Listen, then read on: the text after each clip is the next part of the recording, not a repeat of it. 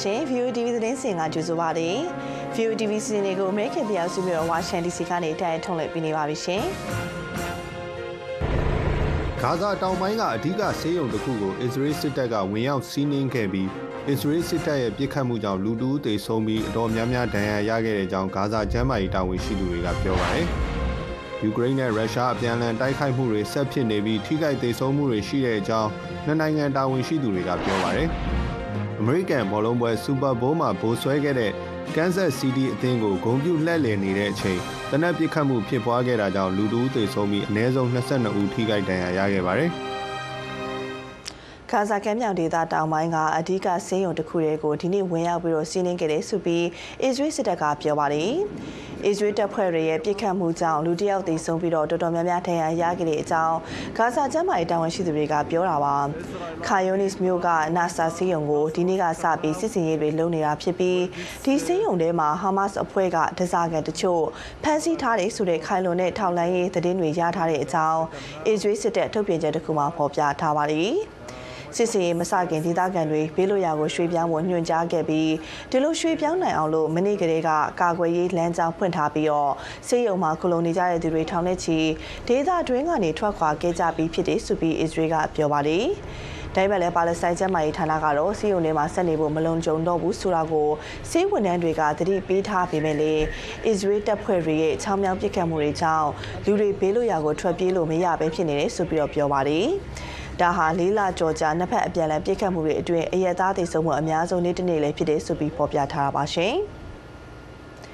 ယူကရိန်းနဲ့ရုရှားအပြန်အလှန်တိုက်ခိုက်မှုတွေဆက်ဖြစ်နေပြီးတော့ထိခိုက်ဒေဆုံးမှုတွေရှိတဲ့အကြောင်းနှစ်ဖက်တာဝန်ရှိသူတွေကပြောပါတယ်။ယူကရိန်းနယ်စပ်ရုရှားပိုင်တဲ့အတွင်းကဘယ်လ်ဂရော့ဒေသမှာယူကရိန်းရဲ့လေကြောင်းတိုက်ခိုက်မှုကြောင့်အနည်းဆုံးလူ9ယောက်သေဆုံးပြီးတော့ကလေး9ယောက်အပါအဝင်လူ18ယောက်ဒဏ်ရာရသွားတဲ့အကြောင်းဒေသအုပ်ချုပ်ရေးမှူး Vyacheslav Gladkov ကဒီနေ့ပြောပါတယ်။ တချိန်တည်းမှာပဲယူကရိန်းနိုင်ငံတွေကိုနေရာတော်တော်များများကိုရုရှားကဒုံးကျည်တွေနဲ့ပစ်ခတ်ပြီးတော့တိုက်ခိုက်မှုတွေကြောင့်အနည်းဆုံးလူ6ယောက်ထိခိုက်ဒဏ်ရာရခဲ့ပြီးတော့အဆောက်အုံအများပြားလည်းပျက်စီးခဲ့တယ်ဆိုပြီးယူကရိန်းကဒီနေ့ပြောပါတယ်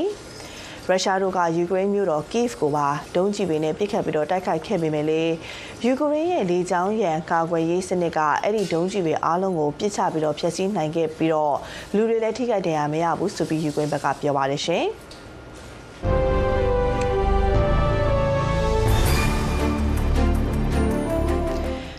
2021ဖေဖော်ဝါရီလစစ်တပ်ကအာဏာသိမ်းပြီးတဲ့နောက်ပိုင်းမှာပေါ်ပေါက်ခဲ့တဲ့လက်နက်ကိုင်ပဋိပက္ခတွေကြားမှာမြန်မာစစ်တပ်အင်အားတောင်းနဲ့ချီဆုံးရှုံးနိုင်တဲ့အကြောင်းလေးလာဆန်းစစ်သူတွေပြောဆိုနေပြီးတော့ဒီဆုံးရှုံးမှုတွေကြောင့်အရက်သားလူငယ်တွေကိုစစ်မှုထမ်းခိုင်းတဲ့အမိန့်မဖြစ်မနေအသက်သွင်းတာဆိုပြီးတော့လေးလာသူတွေကရှုမြင်ကြပါတယ်။ စစ်တပ်ကအာဏာသိမ်းပြီးတဲ့နောက်ပိုင်းပေါ်ပေါက်ခဲ့တဲ့လက်နက်ကိုင်ပဋိပက္ခတွေကြားမှာမြန်မာစစ်တပ်ဘက်ကတိုက်ပွဲမှာကြာဆုံးခဲ့တဲ့သူထိခိုက်ဒဏ်ရာရတဲ့သူတပ်ကနေထွက်ပြေးသူတွေနဲ့လက်နက်ချစုစုပေါင်း2100လောက်ရှိမယ်ဆိုပြီးဝါရှင်တန် DC အခြေစိုက်ငင်းချက်ရေးသုတေသနအဖွဲ့ USIP ရဲ့ပြီးခဲ့တဲ့နှစ်တုန်းကခံမှန်းချက်ကို Fox သတင်းဌာနကကိုးကားပြီးတော့ရေးသားထားပါတယ် ဒီခံမှန်းချက်ကမကြသေးခင်မှာဖြစ်ပွားခဲ့တဲ့ဒီရှမ်းမြောက်ဒေသနဲ့ရခိုင်ပြည်နယ်အတွင်းတိုက်ပွဲတွေအတွင်းမှာဆုံးရှုံးမှုတွေမပါဝင်သေးတဲ့အတွက်အရေးအတွက်ကတော်တော်များများထပ်ပြီးတော့တိုးလာနိုင်သေးတယ်ဆိုပြီးလေ့လာသူတွေကထောက်ပြကြပါတယ်။စစ်ကောင်စီဘက်ကတော့ဒီကိန်းကနန်းတွေနဲ့ပတ်သက်ပြီးတော့တရားဝင်ထုတ်ပြန်တာတုံ့ပြန်တာမရှိသေးပါဘူးပြီးခဲ့တဲ့မေမေလအထိစစ်တပ်အတွင်းမှာတကယ်တမ်းတိုက်နိုင်တဲ့အင်အားကတသိန်းခွဲလောက်ပဲကျန်တော့မယ်ဆိုပြီး USIP အဖွဲ့ကခန့်မှန်းထားတာပါ မြန်မာစစ်တပ်ရဲ့တပ်အင်အားကိုအတိအကျပြောဖို့ယုံကြည်စိတ်ချရတဲ့ကိုးကားဖော်ပြချက်တွေမရှိပေမဲ့လည်း American ဗဟိုထောက်လှမ်းရေးဌာန CIA ရဲ့ပြီးခဲ့တဲ့နှစ်တုန်းကစီးရင်တွေအရတပ်ဖွဲ့ဝင်တသိန်းခွဲကနေ၄သိန်းကြားမှာရှိမယ်ဆိုပြီးတော့ခန့်မှန်းထားပါတယ်။မကြသေးခင်လပိုင်းတွေအတွင်းမှာတိုင်းရင်းသားလက်နက်ကိုင်အဖွဲ့တွေနဲ့မြန်မာစစ်တပ်ကြားတိုက်ပွဲတွေမှာစစ်တပ်ကအကြဆုံးများပြီးတော့စစ်စခန်းတွေစက်တိုက်ကြာဆုံးခဲ့တာတွေကြောင့်စစ်ကောင်စီအနေနဲ့တပ်ဖွဲ့ဝင်တွေထပ်ပြီးတော့ဖြည့်ဆည်းဖို့အပြင်းထန်လှုံ့ဆော်လာတာလေးဖြစ်ပါတယ် လူငယ်တွေစစ်မှုမထမ်းမနေရဥပဒေအရအကျုံးဝင်နေတဲ့မြန်မာလူငယ်အမျိုးသားအမျိုးသမီးအရေးအတွက်73သန်းနီးပါးရှိနေတဲ့အကြောင်းနဲ့လူငယ်ပညာတတ်တွေကိုလည်းနိုင်ငံတော်ကာကွယ်ရေးအတွက်အလေးပေးပြီးတော့စုဆောင်းသွားမယ်အကြောင်းကြေညာထားပါတယ်ရှင်။ ရခိုင်ပြည်နယ်အတွင်းမှာလက်တလောဖြစ်ပွားနေတဲ့တိုက်ပွဲတွေကြောင့်ဘင်္ဂလားဒေ့ရှ်နိုင်ငံဘက်ကိုထွက်ပြေးပြီးတော့ခိုလုံလာကြတဲ့မြန်မာစစ်သားအယောက်330ကိုဒီနေ့ဖေဖော်ဝါရီလ15ရက်နေ့မနက်ပိုင်းတုန်းကပြန်ပို့လိုက်ပြီးဆိုပြီးဘင်္ဂလားဒေ့ရှ်သတင်းမှာဖော်ပြထားပါလေ။ဘင်္ဂလားဒေ့ရှ်နေကြားဆောင်တက်အကြီးအကဲဘူဂျိုမိုဟာမက်အရှရာဖူဇာမန်စီဒီကီကဘင်္ဂလားဒေ့ရှ်နိုင်ငံဆိုင်ရာမြန်မာတမန်ကြီးဦးအောင်ကျော်မိုးလက်ကိုဒီနေ့မနက်၈နာရီက Cox's Bazar မှာတရားဝင်လွှဲပြောင်းပြီးတော့ပေးရခဲ့တယ်လို့ဖော်ပြထားတာပါ ရေချောင်းကနေတဆင်မြန်မာနိုင်ငံဘက်ချမ်းကိုခေါ်ဆောင်သွားမှာဖြစ်တယ်ဆိုပြီးတော့လေဘင်္ဂလားဒေ့ရှ်နေကြားစောင့်တက်ပြောခွင့်ရရှာဒီဖူအစ္စလာမ်ကပြောပါလေ။ ရခိုင်ပြည်နယ်အတွင်းရခိုင်တပ်တော် AA နဲ့မြန်မာစစ်ကောင်စီကြားဖြစ်ပေါ်နေတဲ့တိုက်ပွဲတွေကြောင့်အရှုံးနဲ့ရင်ဆိုင်နေရတဲ့မြန်မာစစ်သားတွေကအိန္ဒိချင်းဘင်္ဂလားဒေ့ရှ်နိုင်ငံဘက်ကိုဖေဖော်ဝါရီလ၄ရက်နေ့တုန်းကထွက်ပြေးခိုလောင်ခဲ့ကြပါတယ်။ဒီလိုထွက်ပြေးသွားကြတဲ့သူတွေထဲမှာနေကြားဆောင်တပ်ဖွဲ့ဝင်အယောက်302ယောက်သူတို့ရဲ့မိသားစုဝင်4ယောက်လူဝင်မှုကြီးကြပ်ရေးဝန်ထမ်း18ယောက်နဲ့အရက်သား4ယောက်တို့ပါဝင်နေဆိုပြီးတော့လည်းဖော်ပြထားတာပါ။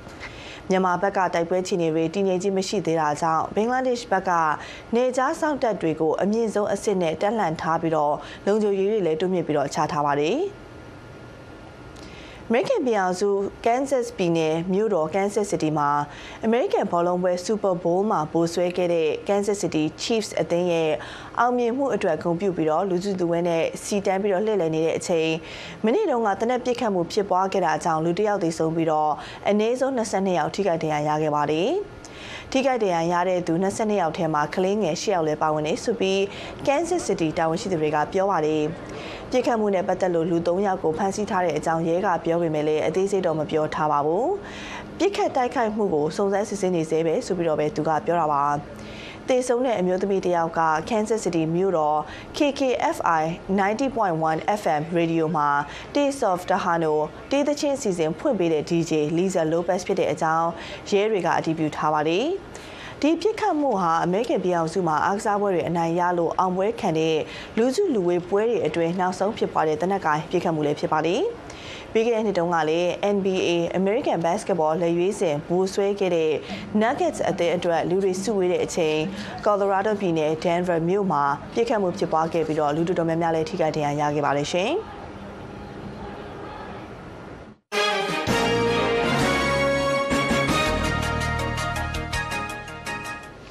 မနေ့တုန်းကကျင်းပခဲ့တဲ့အင်ဒိုနီးရှားသမ္မတရွေးကောက်ပွဲမဲတွေရေတွက်နေတဲ့အချိန်မှာအင်ဒိုနီးရှားကာကွယ်ဝင်ကြီးဘိုဂျိုကြီးဟောင်းပရိုဘိုဆူဘီယန်တိုကရွေးကောက်ပွဲမှာသူအနိုင်ရပါပြီဆိုပြီးတော့အခိုင်အမာကြေညာခဲ့ပါတယ်။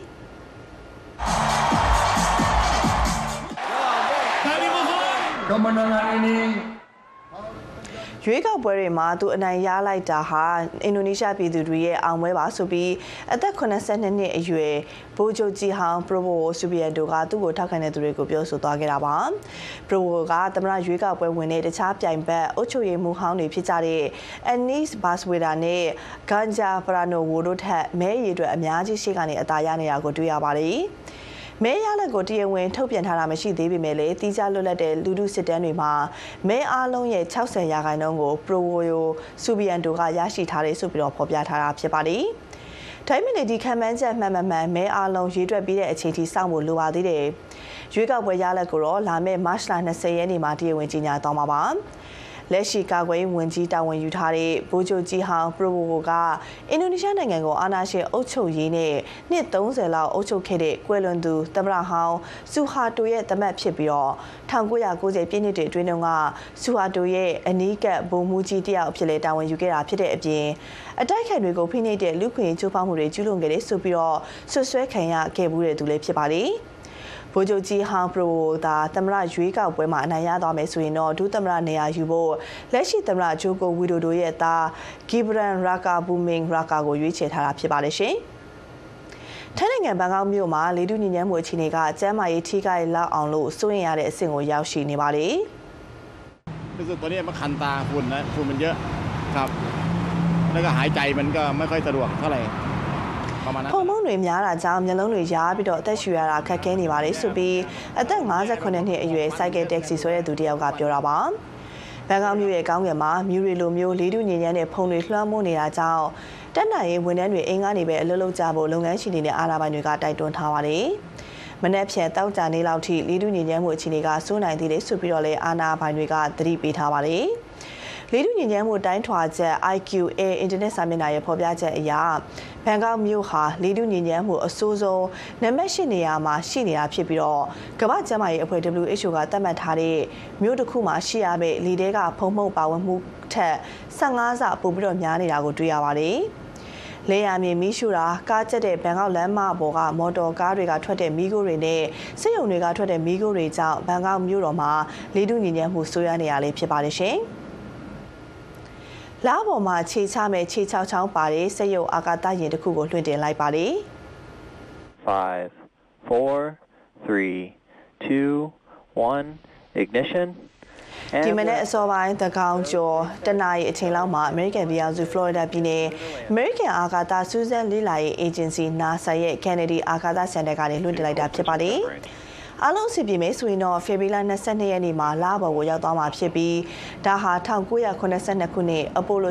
17အာကာသယာဉ်ရောက်ပြီးတဲ့နောက်ပိုင်း American အာကာသယာဉ်လကဘာကိုဆင်းသက်တာပထမဆုံးအကြိမ်လည်းဖြစ်သွားမှာပါ Nova C ဒါမှမဟုတ် Odysseus လို့ခေါ်တဲ့လာဘော်ကိုခြေချမဲ့စေယုံအာကာသယာဉ်ကို SpaceX ကုမ္ပဏီကထုတ်လုပ်တာဖြစ်ပြီး Texas ပြည်နယ် Houston မြို့အခြေစိုက် Intuitive Machines လေယာဉ်ကုမ္ပဏီကတည်ဆောက်တာဖြစ်ပါတယ်။ တန်းကျယ်တထေးကြီး Elon Musk ပိုင်တဲ့ SpaceX ကုမ္ပဏီရဲ့ Falcon 9ဒုံးပျံရဲ့ထိပ်ဖူးမှာ Nova C လိုက်ပါပြီးတော့လွှင့်တင်လိုက်တာဖြစ်ပြီးဒုံးပျံထွက်ခွာပြီးတော့48နာရီလောက်48မိနစ်လောက်အကြာကဘာမြေနဲ့129မိုင်လောက်ဝေးတဲ့နေရာမှာထိပ်ဖူးကနေခွဲထွက်ပြီးတော့လာကဘာစီကိုဆက်ပြီးတော့ခရီးနှီးသွားမှာဖြစ်ပါတယ်။ 25ထက်တိုက်လောက်ကြီးတဲ့ Falcon 9ဒုံးပျံကိုလွှင့်လွှင့်ခဲ့တဲ့အားကို NASA ကတိုက်ရိုက်ထုတ်လွှင့်ခဲ့တာဖြစ်ပြီးဒီတစ်ခါအောင်မြင်ခဲ့ရင်တော့လဘော်ကိုပုတ်ကလိကပိုင်ကုမ္ပဏီထုတ်အာကာသယာဉ်အခြေချတာတမိုင်းမှာပထမဆုံးအကြိမ်ဖြစ်သွားမှာဖြစ်ပါတယ်ရှင်။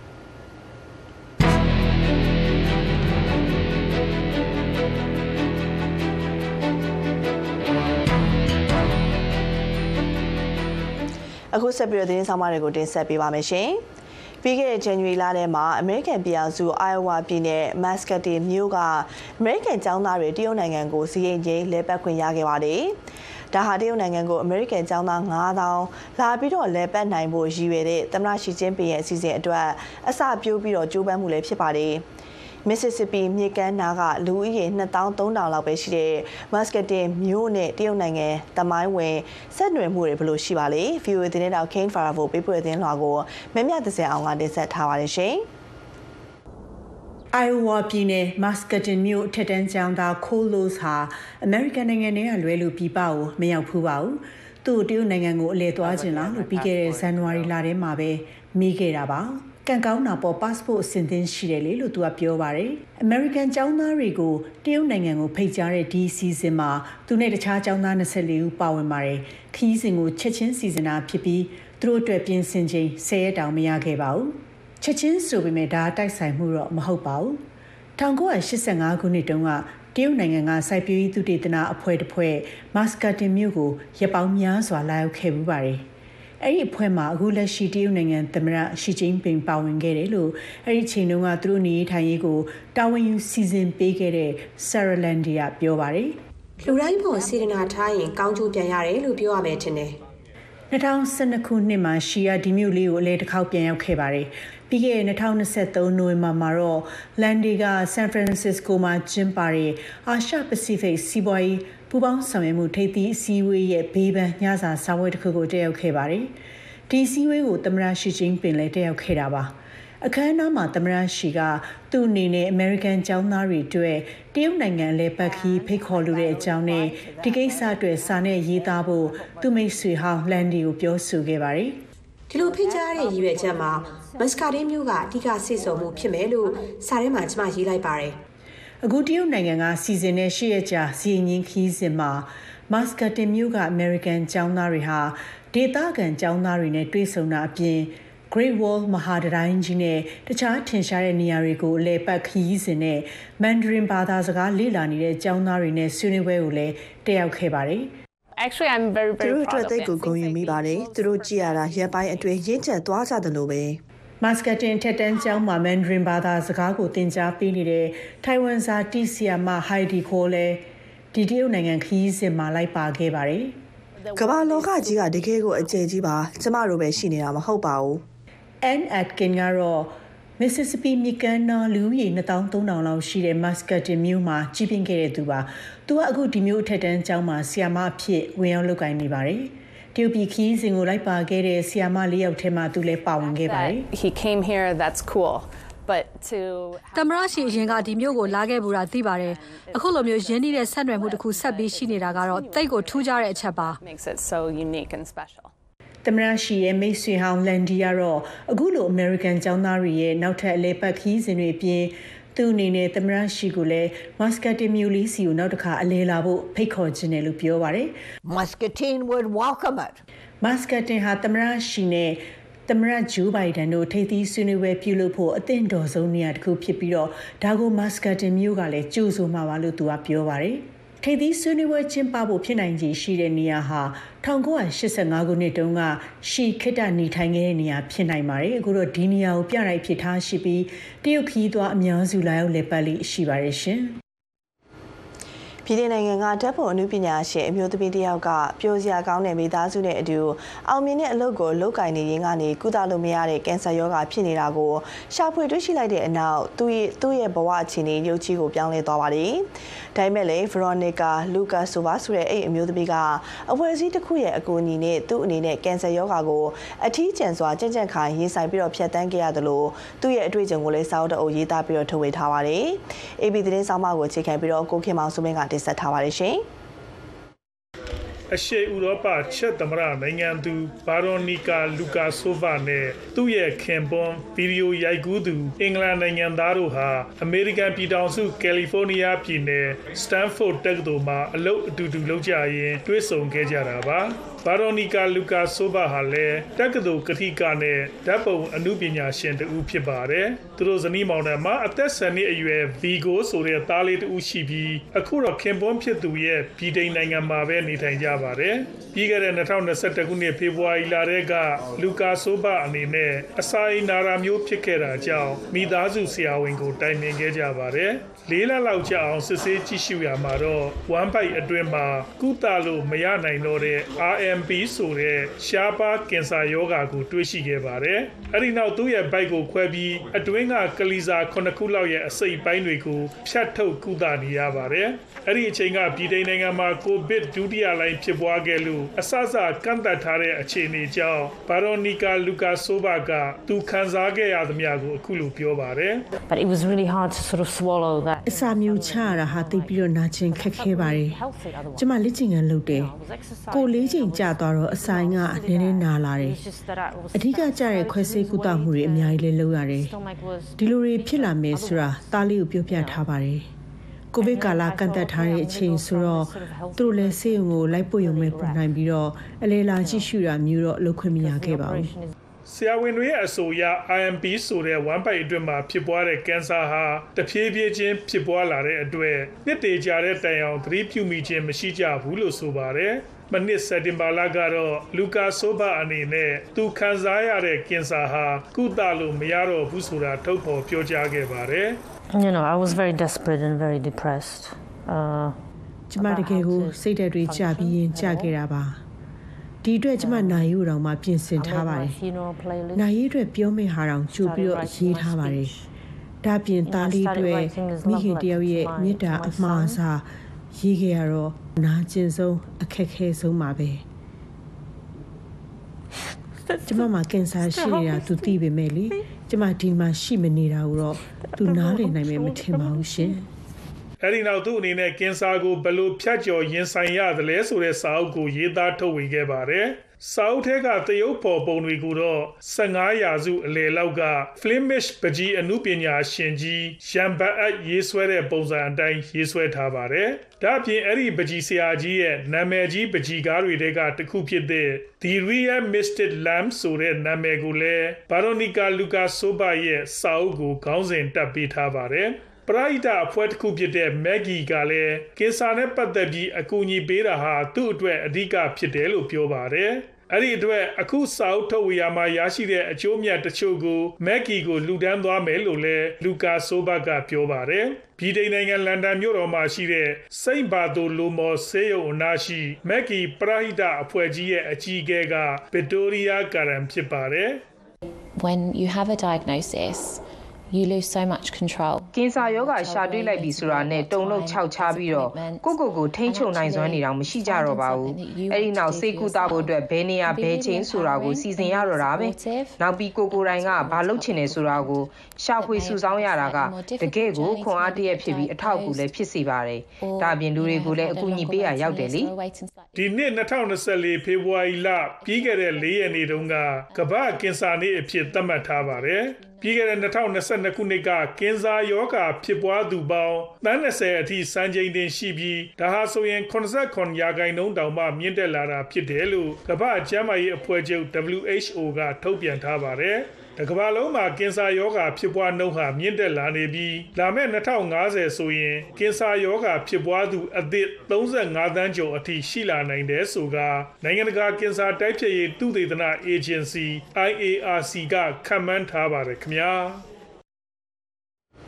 ပကြီးဆွဲဖို့ဆိုရင် canvas ပိတ်စာတွေမလို့သလိုပကြီးကိုပြဖို့ဆိုလဲခမ်းမတစ်ခုလိုချင်မှလိုပါလိမ့်မယ်။ဩစတြေးလျနိုင်ငံကမြို့လေးတစ်မြို့မှာတော့ဓာတ်တိုင်တွေမှာပကြီးလိုက်ဆွဲတဲ့ပကြီးဆရာတယောက်အကြောင်းကို AP သတင်းဆောင်မတစ်ပုဒ်ကိုအခြေခံပြီးတော့ကိုစီသူကတင်ဆက်ထားပါတယ်ရှင်။ရုတ်တရက်ကြည့်လိုက်ရင်ဒေးဗစ်ရိုဟာစေတုတ်သမားတယောက်နဲ့တူနေပေမဲ့သူကကားပေါ်မှာပကြီးဆေးတွေတင်ပြီးတော့ရှောက်သွားနေတဲ့ပကြီးဆရာတယောက်ပါ။ ဩစတြေးလျနိုင်ငံမှာရှိတဲ့ကမ်းခြေမြို့ငယ်လေးဖြစ်တဲ့လူစင်တာမြို့လေးရဲ့မနက်အာရုံတက်ချိန်တိုင်းလမ်းဘေးကဓာတ်တိုင်တွေမှာပကြီးဆွဲနေတဲ့သူ့ကိုတွေ့ရနိုင်ပါတယ် and actually paint it's nice and and no one's telling ဒီကိုမနေ့စောစောလာပြီးပကြီးရေးရတာတိတ်ကောင်းတယ်ဗျဟိုလိုလုံးပါလားဒီလိုလုံးပါလားနဲ့လာပြောနေမဲ့သူလည်းမရှိဘူးနားရီပိုင်းနဲ့တကယ်ကောင်းပါတယ်ဓာတ်တိုင်တွေကိုသူ့စိတ်ကြိုက်ချေမုန်းနေတာကိုမြို့ကန်တွေကလည်းကြည်ပြူကြပါတယ် everybody and have a look at the bowl not quite like the ပြလိုက်တဲ့လမ်းလျှောက်ပြီးရှောက်ကြည့်ရတယ်လို့ပေါ့ဗျာ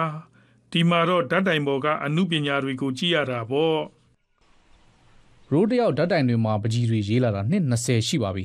ပကြီးအစ်စ်ရေးတာအပြင်အရင်ကတုတ်ထားတဲ့ပကြီးဆေးတွေအယောင်မလွင့်အောင်လို့အပေါ်ဆေးထပ်တုတ်ပေးပါတယ်သူရေးထားတဲ့ပုံတွေကအမျိုးအစားစုံလင်ပြီးတော့ရတအမျိုးမျိုးပေးနိုင်တယ်လို့ အဲ့ဒီမျိုးကရက်ွက်လူကြီးဂျိန်းကပြောပါတယ် Some of them you could hardly see the picture တချို့ပုံတွေကမြင်ရခဲပါတယ်